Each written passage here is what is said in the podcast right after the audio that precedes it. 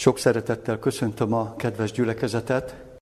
A mai alkalmunk témája bűnbocsánat és bűnfeletti győzelem hitáltal.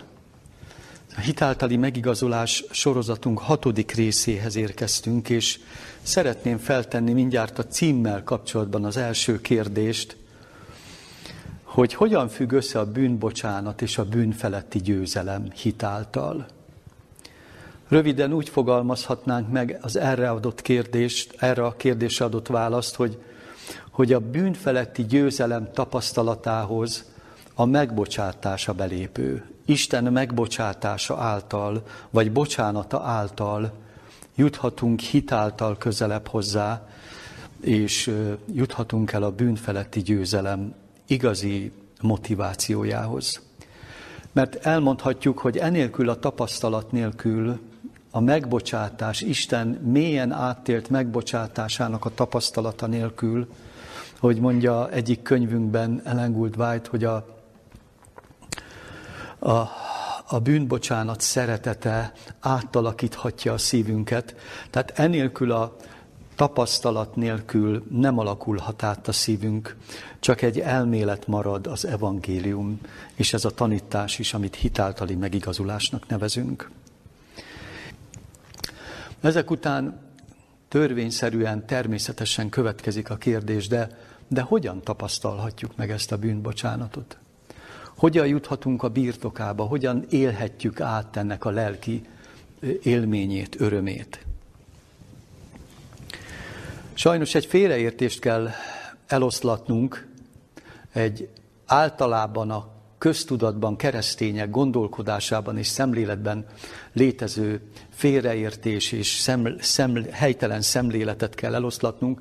Tudnilik, hogy a bűnbocsánat nagyon szigorú feltételekhez van kötve.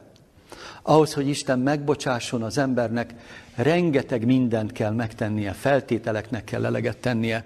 A leghaté, leg, többet hangoztatott feltétel, hogy nagyon mély bűnbánatra kell jutnunk. Nagyon-nagyon mélyen meg kell szaggatni a szívünket, nagyon mélyen át kell élni elveszett bűnös voltunkat, és a bűneink súlyosságát, és ennek a megbánását kell valahogy bizonyítanunk Isten felé, hogy ő aztán majd megbocsás, megbocsát ezek után. Azonban szeretném hangsúlyozni, és szeretnék igei gondolatokat kiemelni azzal kapcsolatban, hogy mennyire nem így van ez. És hogy milyen sokan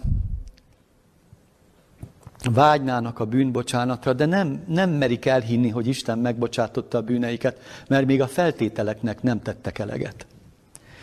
Sokan azért nem él, élnek át bűnbocsánatot, mert a saját igyekezetükből próbálnak bűnbocsánatra eljutni. Sőt, másokat is gyötörnek azzal, hogy hát Isten neked nem bocsáthat meg, mert még nem látom nálad a megbánást, a megbánás gyümölcseit. Ezért a következő kijelentések csak nagyon kivonatosan szólnak, és Pálapostól leveleiből gyűjtöttem egy, egy három-négy ige részletnek csak abból is a kivonatát, hogy értsük meg, hogy először Isten felkínálja a megbocsátását minden embernek. Hogyan? Mert Isten gazdag lévén irgalmasságában olvashatjuk az Efézusi első fejezet első versétől, titeket is megelevenített, akik holtatok voltatok a ti vétkeitek és bűneitek miatt. Így szól az első vers, az első, második fejezet első vers Efézusi levélnek. Istennek kell megeleveníteni az embert, akik holtak vagyunk a védkeink és a bűneink miatt. Egy holt ember mire képes? Egy halott ember mire képes? Hogyan tud ő bármi jót vagy bármit tenni is a maga érdekében? Istennek kell megeleveníteni az embert minden tekintetben, elsősorban lelki tekintetben, mert holtak vagyunk a védkeink és a bűneink miatt. De hogyan teszi ezt? Az Isten gazdag lévén irgalmasságban az ő nagy szerelméből, melyel minket szeretett, akik megvoltunk haltva a vétkek miatt, megelevenített együtt a Krisztussal, mert kegyelemből tartattok meg hitáltal, nem cselekedetekből. Isten ajándéka ez, nem cselekedetekből, hogy senki ne kérkedjék, kegyelemből tartattok meg, Isten megelevenítő ereje, Krisztus ereje tudja az életünket ö, bevilágítani, Isten kegyelme kell, hogy bevilágítsa a naptámadatból, hogy mennyire szeret bennünket. És ekkor tudunk életre kelni. A római levél 5. fejezet 6. versétől ismerjük a jól ismert igéket is, ezt is csak kivonatosan olvasom, mert Krisztus, mikor mi még erőtelenek voltunk, a maga idejében meghalt a gonoszokért, mikor még erőtelenek voltunk, már előre elkészítette a megváltásunkat, vagyis meghalt értünk. Bizonyára igazért is alig hal meg valaki, ám a jóért talán csak megmerne halni valaki. Isten nem azért ö, halt meg, mert annyira jók vagyunk, vagy annyira ö, ö, értékes dolgok lennének az életünkben. Nem azért bocsát meg, nem azért készíti elő a bűnbocsánatát, mert megérdemeljük, hogy, hogy ilyen nagy ajándékban részesítsen. Isten pedig a mi hozzánk való szerelmét abban mutatta meg, hogy mikor még bűnösök voltunk, Krisztus érettünk meghalt. Gondoljuk meg, hogy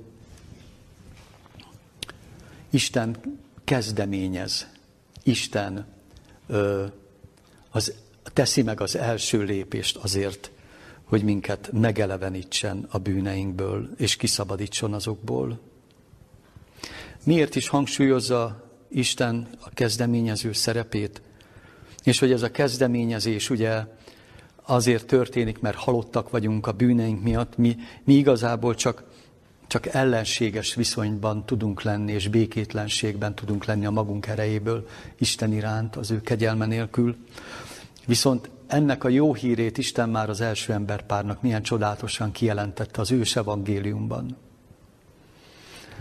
Ugye amikor azt mondta nekik, hogy ellenségeskedés szerzek, vagyis nem nekik mondta, hanem sátánnak mondta, vagyis a kígyónak mondta, aki sátán médi, médiuma volt, hogy ellenségeskedés szerzek közötted és az asszony között, a te magvad és az ő magva között, és az neked fejedre tapos, te pedig annak sarkát mar- marod, abba, annak a sarkába marsz, pontos fordítás szerint. Ez mit jelent, hogy ellenségeskedést a bűnnel szemben? Nem tudom, ismerjük-e azt, amikor egyszerűen nem tudunk napirendre térni a bűneink felett amikor nem tudunk napirendre térni magunkban afölött, hogy, hogy rosszat követünk el, hogy indulatosak voltunk, hogy irigyek voltunk, hogy szeretetlenek voltunk, önzők voltunk, ez, ez ne legyen természetes a számunkra.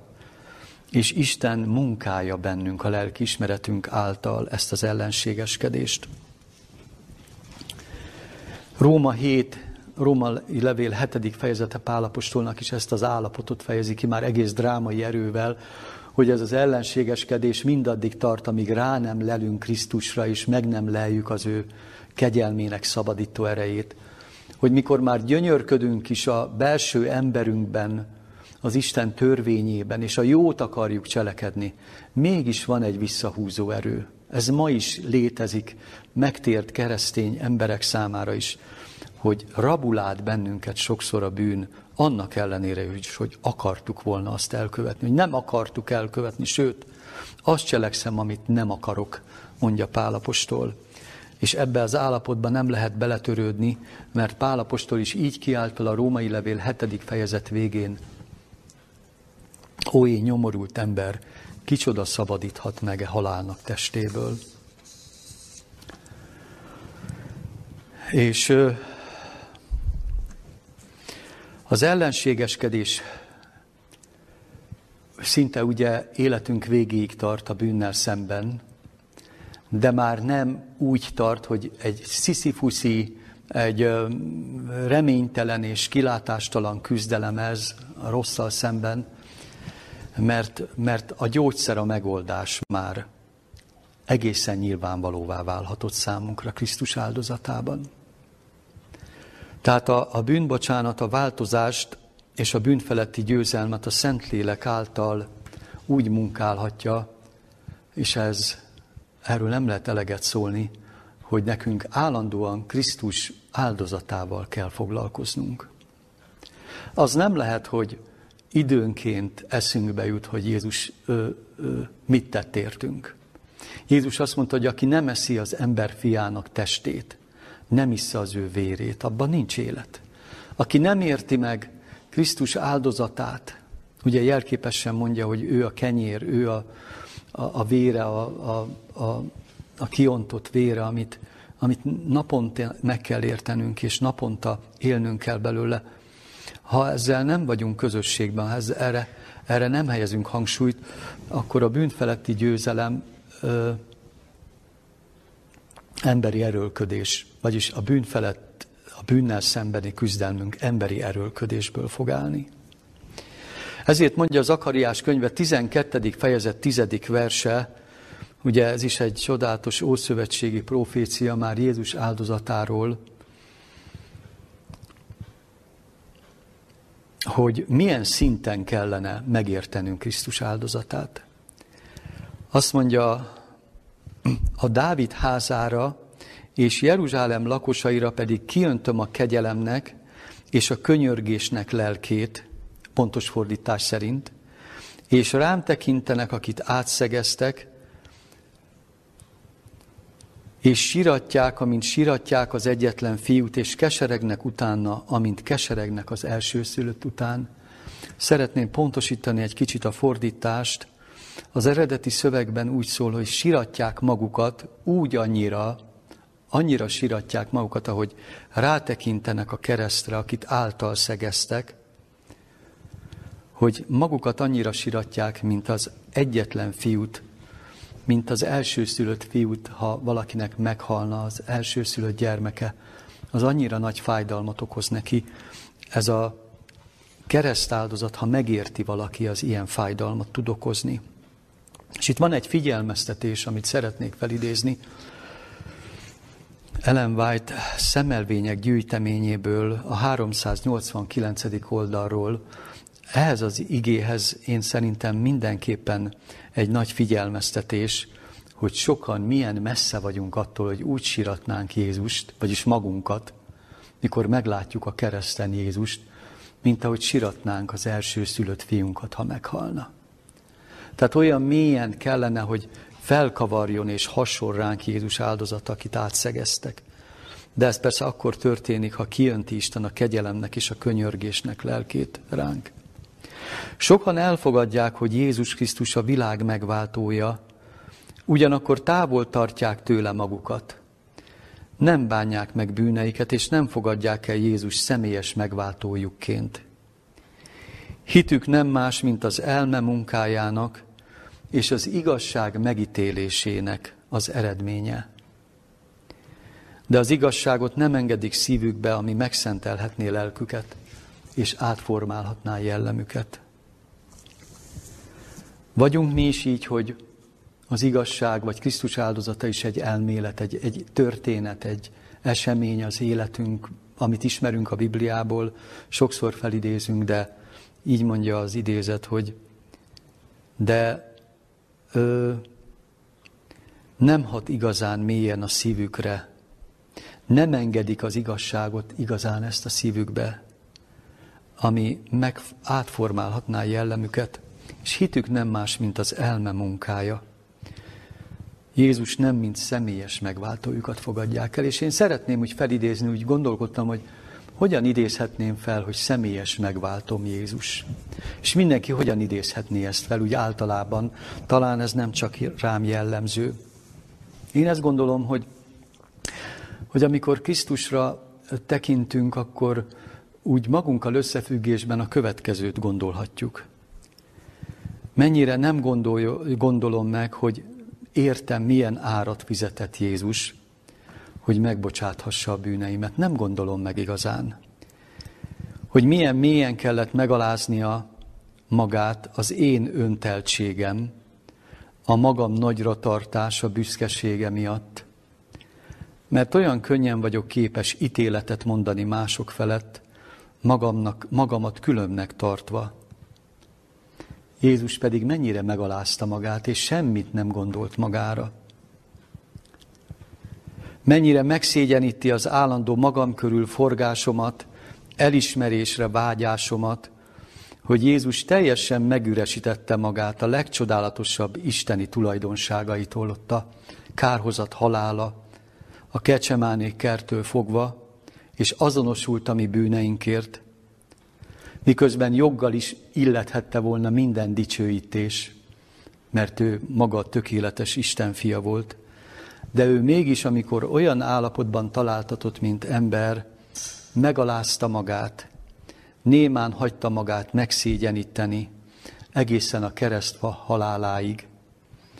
Az én felfuvalkodásom és az ebből származó összes jellem tulajdonságom miatt.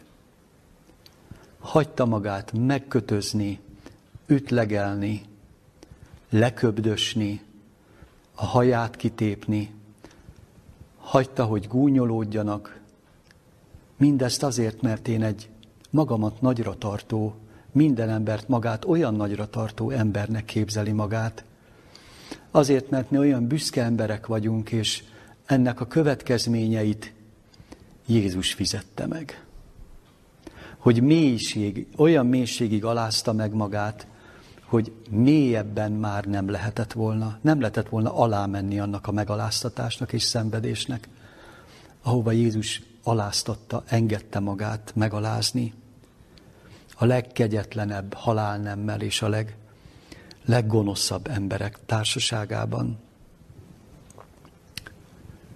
Talán nem szoktunk ilyen nagyon személyesen belegondolni abba, hogy ez értünk, értem történt, ez az én bűnömért történt, ez a megaláztatása Jézusnak.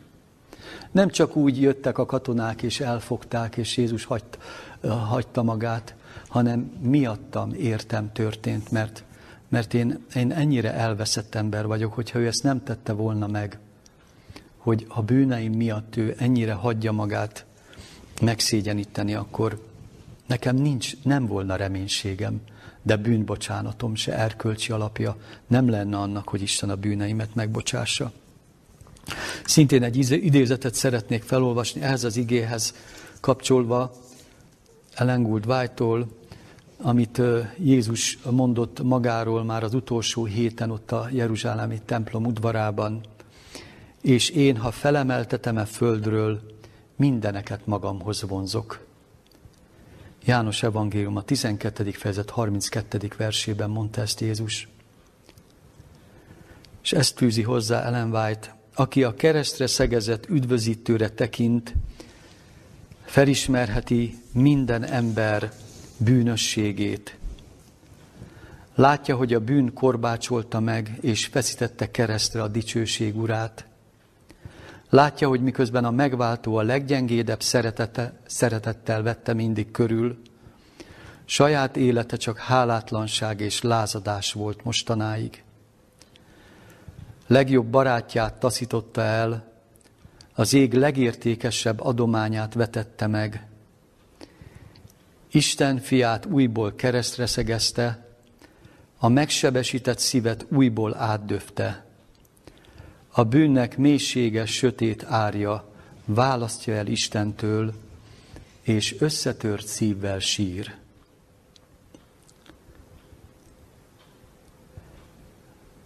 Ugye, hogy miközben a megváltó leggyengédebb szeretettel vett bennünket mindig körül, a mi életünk nagyon sokszor csak hálátlanság és lázadás volt vele szemben.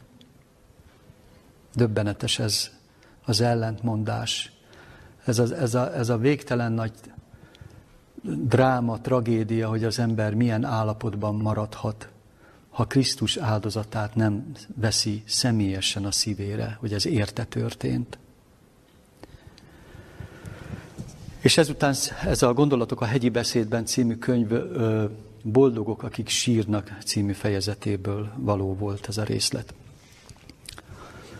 A másik problémát szeretném kiemelni, tehát, hogy a személytelen Jézus egy, ki egy esemény, egy történeti Krisztus, aki meghalt az emberért, és hát jó, jó, örülünk neki, de hogy a személyes életünket nem szembesítjük vele.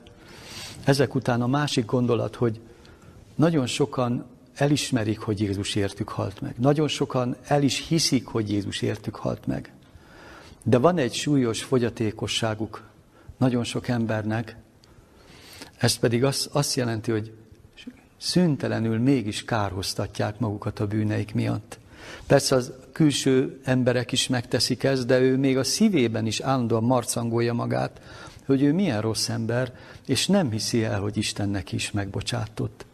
És neki is felkínálja a szabadulást, és ő is tud szabadulni a bűneiből. A Gondolatok a hegyi beszédről című könyvben, az, a Mi atyánk magyarázatában a Bocsáss meg a mi védkeinket című mondatát így magyarázza megint csak az előbb említett szerző. És erre szeretném, hogyha kicsit még tudnánk figyelni, egy picit talán sok a felolvasás, de, de annyira ideillik a megbocsátás kérdéséhez, hogy magunkat állandóan marcangolva, magunkat mindig leértékelve és semminek tartva él sok ember, és nem hiszi el, hogy Isten így is elfogadja őket és szereti őket, ez ellen ír, és erre ad tanácsot azoknak, akik így gondolkodnak, Ellen White. Egy valamire van elengedhetetlenül szükségünk, hogy elnyerjük, és továbbadjuk Isten megbocsátó szeretetét. Megismerjük és elhiggyük Isten irántunk való szeretetét. Azért ez a mondat, hadd had idézzem fel, mivel kezdődik. Egy valamire van elengedhetetlenül szükségünk. Ez az egy valamire, mondhatnánk, hogy egy, ez a legszükségesebb dolog, hogy, hogy a hívő életünket ne keserűen, örömtelenül, ön, önmarszangolásban éljük, és önváddal éljük. Hogy megismerjük, és, és elnyerjük Isten megbocsátó szeretetét. Az ős ellenség mindenképpen azon mesterkedik, hogy ne ismerjük fel Isten szeretetét.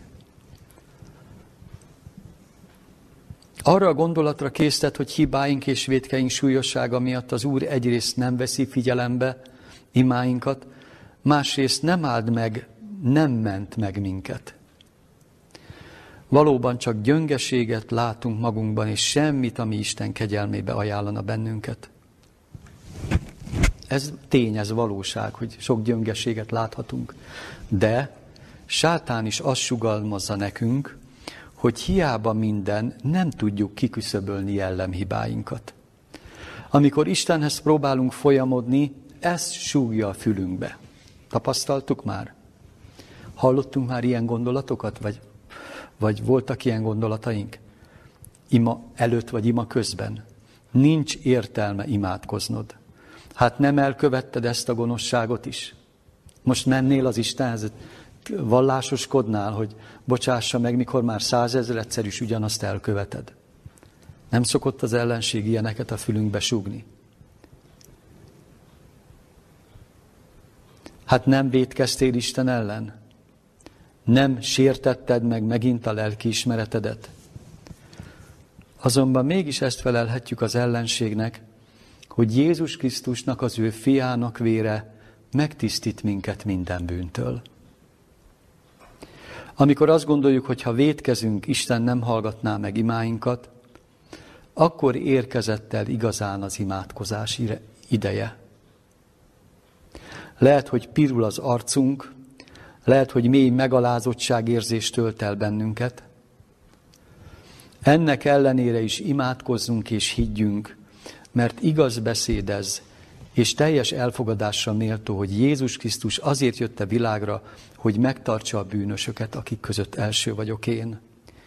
Bűneink bocsánata, Istennel való megbékélésünk nem cselekedeteink jutalma, nem azért nyerjük el, mert bűnös, a bűnös érdemre tett szert, hanem ez ajándék, amelynek Krisztus igazságossága az alapja. Ajándék, a bűnbocsánat ajándék, és nem cselekedeteink vagy jóságunk jutalma. És utoljára még két gondolatot szeretnék felidézni, hogy a bűnbocsánatot elnyerni vagy nem elnyerni milyen ö, fontos, és hogy annak a gyümölcse mit eredményez az életünkben, ez, ez üdvösség kérdése. Ha a bűnbocsánatot elnyerjük a kegyelmet, és ezzel visszaélünk, akkor biztos, hogy elveszítjük az üdvösségünket. Erről szól az adós szolga példázata. Ismerjük, hogy tízezer talentumnyi adósságát elengedte a szolgájának a gazda, és amikor ennek örvendve tízezer talentumnyi adósság elengedése után felszabadultan kimegy a szolga az utcára, találkozik éppen a szolgatársával, eszébe jut, hogy száz dénárral adós, és még nem adta meg. Miközben neki tízezer talentumot már. Hát azért abból a tízezer talentumból neki is volt némi adóssága. Ez egy egy heti munkabér volt ez a száz dénár, és egy összegbe elengedte a gazdája. És ő pedig elkezdte folytogatni a száz dénárért a, dénárért a szolgatársát. És ezután visszahívatta a gazdája, és megkérdezte tőle, gonosz szolga, minden adósságot elengedtem néked, mivel hogy könyörögtél nekem. Nem kellett volna néked is könyörülnöd a te szolgatársaidon, a te szolgatársadon, miképpen én is könyörültem te rajtad. És ha szívetekből meg nem bocsátjátok a ti felebarátotok védkeit, a ti mennyei atyátok sem bocsátja meg a ti védkeiteket, mondta Jézus Máté 18. fejezet végén. Kedves ö, nézők, kedves hallgatók, azért el kell, hogy gondolkodjunk azon, hogy hány embernek nem tudtunk még megbocsátani. Hány haragosunk van. Vagyis hány olyan emberünk van, akikre ha ránézünk, akkor legszívesebben elfordulunk, elfordítjuk a tekintetünket tőle. Vagy ha eszünkbe jut az ő személye, akkor egy csomó sérelmünk jut eszünkbe vele kapcsolatban. Sérelmek, háborgások, zúgolódások. Hány ilyen ember lehet az életünkben? Ezek körülbelül a száz dénáros szolgatársaink. Ezek az emberek a szomszédaink, a munkatársaink, vagy akár a házastársunk, vagy, vagy, vagy barátaink, vagy bárki, akikben csalódtunk, azok a mi száz dénáros embertársaink, fele barátaink. Miközben mi tízezer talentummal könnyebbek lehetünk, hogy ezt nem kell visszafizetnünk, mert Jézus meghalt értünk, és Jézus lerendezte a mi tartozásunkat, minden tartozásunkat visszafizetett egyetlen áldozatában, a közben mi mégis megengedjük magunknak, hogy engesztelhetetlen lelkület uraljon bennünket. Végül a harmadik dolog, ami a megbocsátás igazi gyümölcse lehet, és ami amit megtapasztalhatunk igazán, vagy amiért nem tapasztaljuk meg a megbocsátást olyan mélyen, ahogy megtapasztalhatnánk, tegyük fel a kérdést, hogy ez mi lehet magunknak. Nagyon sokan ö, kárhoztatjuk magunkat, marcangoljuk magunkat, hogy Isten úgyse tud megbocsátani. Nagyon sokan csak egy történeti Krisztust ismerünk, és nem úgy, mint a mi személyes megváltónkat. Nagyon sokan elfogadták ugyan a megbocsátást, a tízezer talentum adósság elengedését, de a lelkületüket nem változtatta meg. Vajon mi lehet az oka ennek? Hogy a lelkületünk a tízezer talentum ellenében sem változott meg. Azt gondolom, hogy az erre a rövid válasz, hogy nem mindenki tud a megbocsátás alázatossá tenni. Nem mindenki él a kegyelemnek azzal az erejével minden nap az életében, ami meg tudná törni a keménységét és a büszkeségét. Mert nem szemléli Krisztust naponta, mert nem személyesen fogadja el Krisztus áldozatát, hogy ez érte történt, ezért a büszkesége, a szíve keménysége, mondhatni gránit szilárdságú keménysége megmarad. Ez a adószolga példázatának az egyik ö, szomorú mondani valója, de kik azok, akik, akiknél megtörik ez a keménység. Kik azok, akik szinte, mint az itatós papír fogadnák magukban megbocsátást, mert annyira vágynak rá. Isten szeretetére. Hát legutolsó példa, jól ismert példa, csak összefoglalásképpen, ezért kell sokat elmélkednünk nem csak Krisztus áldozatán, hanem a tékozló fiú bűnbánatán, életén. A tékozló fiú hova juttatta magát? A tékozló fiú miből, hova jutott? Honnan, hova jutott? Ugye, ha valaki igazán távol került Istentől, az a tékozló fiú volt. De, de mi késztette őt igazán arra, hogy visszatérjen az atyához? És amikor visszatért az atyához, akkor mit élt át?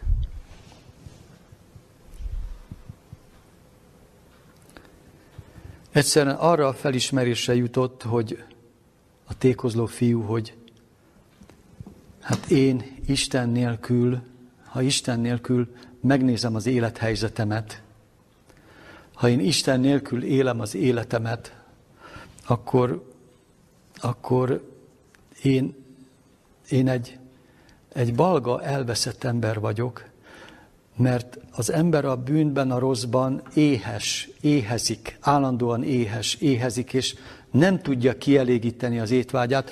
Legfeljebb azt mondja ott a tékozó fiú, hogy hát itt lenne a moslékos vájú, amiből lehetnék, de még ebből sem mehetek. A bűn annyira kiéhezteti a szeretetben az embert, annyira szeretet hiányos, annyira egy elveszett, nyomorult embernek érzi magát Isten nélkül, szeretet nélkül az embert, hogy persze erre csak a Szentlélek képes elvezetni.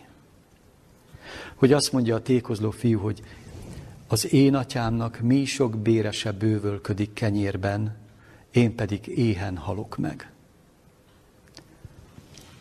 Azt mondja, elmegyek azért az én atyámhoz, felkelek, elmegyek az én atyámhoz, visszamegyek az én atyámhoz, hogy éhen ne halljak, és ezt mondom, védkeztem az ég ellen és te ellened, és nem vagyok immár méltó, hogy a te fiadnak hivattassam. Tégy engem olyanná, mint egy a béresek közül. És ezután tapasztalhatta csak meg az igazi bűnbocsánatot. Ezután nyílt meg előtte a bűn ö, szabadulásának a, a reménye. Ezután értette meg igazán, hogy Isten mennyire szereti őt, miután a moslékos vájútól hátrafordult, és visszatért ahhoz az atyához, ahol a béresek is bővölködnek kenyérben. Nem maradt tehát az önmarcangolásban, nem maradt az elveszettségének a, a, a, az elemzésében és a nyomorában, hanem, hanem, hanem fogta magát és, és elindult az atyai házhoz, hogy ennél csak jobb lehet, mint amiben vagyok most, itt a moslékos vájú. Ez csak jobb lehet. És ahogy ismerte az édesapját az elmúlt években, évtizedben, évtizedekben, feltételezte, hogy be fogja engedni a házba, és legalább a béresek között el lesz majd, és szolgálhat újra az atyának, mint béres. Azonban milyen csodálatos, hogy az atya nem így fogadta vissza. És ez az, ami, ami képes megváltoztatni az embert, hogyha egy ilyen találkozást ér át a bűnei miatt az ember. Amikor nem büszkén, öntelten, amikor nem úgy, hát egy kis bűn belefér, és na hát majd Isten úgyis megbocsátja ezt, hanem amikor őszintén, megtört szívvel keresi újra az Isten jelenlétét és szeretetét az ember, akkor így fogadja vissza az atya, mikor még távol volt az ő fia, elébe ment, elébe futott, nyakába esett, és megölelgette őt. Ekkor tapasztalja meg az ember azt, hogy az Isten túláradó szeretete, a bűnbocsánat túláradó szeretete átalakítja az ember szívét. És, és ez a belépő ahhoz, hogy az ember megváltozzon és a bűneitől megszabaduljon. amikor ilyen kegyelmed, megbocsátást, feltétel nélküli szeretetet tapasztal meg az ember, az ő teremtője, megváltója részéről. És persze milyen jó emberek részéről is ilyen feltétel nélküli szeretetet tapasztalhatnánk, az is képes megváltoztatni, kimozdítani önmagunkból. Akkor Isten megigazítja az embert. Sőt, nem csak, hogy, hogy megbocsátott Isten, hanem igazzá is tette őt. A jelképes kifejezések és a bibliai kijelentések alapján mondhatjuk, hogy igaznak nyilvánította a fiát, levette róla a szennyes ruhát, a bűneit jelképező szennyes életét ö, ö, től megfosztotta, és csodálatos ünnepi ruhába öltöztette őt egy új, tiszta ruhába, ami viszont az isteni jellemnek, az isteni szeretetnek és igazságnak a jelképe a tékozló fiú történetében is. Ruha, saru, gyűrű, vacsora, mindenben Isten kifejezi, hogy igaz a gyűrű is, hogy igen, is, fiam, fiammá fogadlak újra, igen, a fiam vagy ezután is, tulajdon fiam vagy, a gyűrűvel ezt fejezte ki. És befejezésül egyetlen egy idézettel szeretném, egy számomra kedves idézettel lezárni ezt a részt, hogyha valaki belép ebbe a megbocsátás csarnokába, az Isten jelenlétébe, akkor nem akar ezután az Istennel szembe élni, szembefor. Nem, nem tud ellenséges, békétlen viszonyban élni az Istennel és akkor elszégyeli azt is, amit eddig tett az életében, és arra fog törekedni, hogy, hogy annak az Istennek tetsző életet éljen, és azzal az Istennel élje az életét, akinek a házába újra visszatérhetett, és akivel együtt lakhat. Így szólt tehát az utolsó idézetünk, a Gondolatok a hegyi beszédről című könyvünk szintén boldogok a lelki szegények című fejezetből. Lehet bár múltunk rendkívül szomorú, a jelenlegi helyzetünk pedig még csüggesztőbb, de ha úgy megyünk Krisztushoz, ahogy vagyunk, ahogy vagyunk, gyengén, elhagyottan és nyomorult állapotban, ami részvételjes megváltónk elénk jön, áttölel bennünket, igazságának fehér ruháját adja reánk, és így vezet bennünket az atyához. Istennél értünk könyörög, és ezt mondja.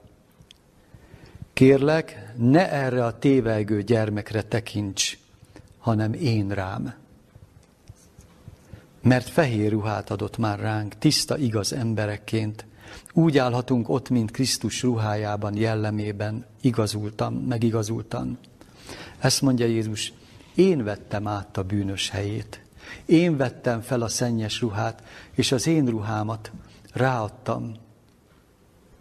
Mert aki bűnt nem ismert, bűnnélet érettünk, hogy mi Isten igazsága legyünk ő benne, mondja a második korintusi levél 5. fejezetében Pálapostól. Bárhogy harcol is sátán lelkünk ellen, és ha bűneinkre mutatva igényt tart is ránk, mint zsákmányra, Krisztus vére nagyobb hatalommal nyilatkozik meg. Ezzel a mondattal szeretném lezárni. Bárhogy harcol is sátán ellenünk, bűneinkre mutatva igényt tart ránk, mint zsákmányára. Krisztus vére nagyobb hatalommal nyilatkozik meg. Amen. Imádkozzunk befejezésül. Mennyei atyánk, szerető Istenünk, köszönjük, hogy ilyen hatalmas örömhírrel, evangéliummal ajándékoztál meg bennünket, amiben nyilvánvalóvá tetted, hogy milyennyire szeretsz bennünket, és hogy ez a szeretet számodra milyen hatalmas cselekvéssel, hatalmas áldozattal nyilatkozott meg, érettünk, hogy a te egyszülött fiadat adtad értünk, bűnösökért, bűneinkért, hogyha hiszünk ő benne, elnevesszünk, hanem örök életünk legyen. Köszönjük, hogy nem kárhoztatni jött Jézus erre a világra, hanem hogy megtartson, megtartson bennünket, az ő élete által bennünket, és áldozatával az örök életre. Köszönjük, hogy Nem kell gyötörnünk magunkat, nem kell, bocsánat, de a kulpáznunk és vezekelnünk előtted, hogy megbocsásd a mi bűneinket, hanem te előre megajándékoztál ezzel a kegyelemmel. Csak az a kérdés, hogy mi hogy élünk ezzel. Az a kérdés, hogy belátjuk-e, hogy ekkora szeretet hátterén, ilyen nagy áldozat fényében vajon meg tudjuk-e bánni a mi bűneinket, és vajon akarunk-e a te szeretett közösségedben maradni és élni? És vágyunk-e neked tetsző életet élni? Segíts bennünket, hogy ha bárhogy harcol is sátán lelkünk ellen, Krisztus vére által, Krisztus ö, kegyelme által mindig győzhessünk a rossz gondolatok, önmarcangoló ö, érzelmek fölött, és mindig hozzá tudjunk eljutni, ahogy a tékozló fiú visszafordult, és hozzád jutott, és ott tapasztalta meg a te szeretetedet. Erre segíts el bennünket is mindannyian. Jézus Krisztus nevében kértük. Amen.